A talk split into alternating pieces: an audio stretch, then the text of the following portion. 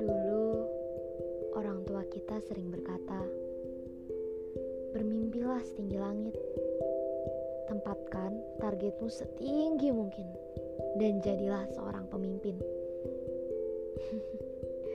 Tanpa sadar, untayan kata itu membawamu jauh berkelana, sampai akhirnya ditempatkanlah dirimu di sini, di puncak yang tertinggi. Tapi, jikalau nantinya dunia memintamu untuk turun, semua tak lagi berjalan semaumu, tak lagi sesuai ekspektasimu. Kau tak lagi berada di puncak rantainya, dan tak lagi kamu memandang dari atas.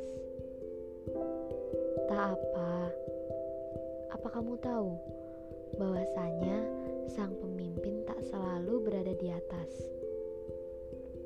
Seperti sekelompok serigala, sang pemimpin akan berada di posisi terbelakang.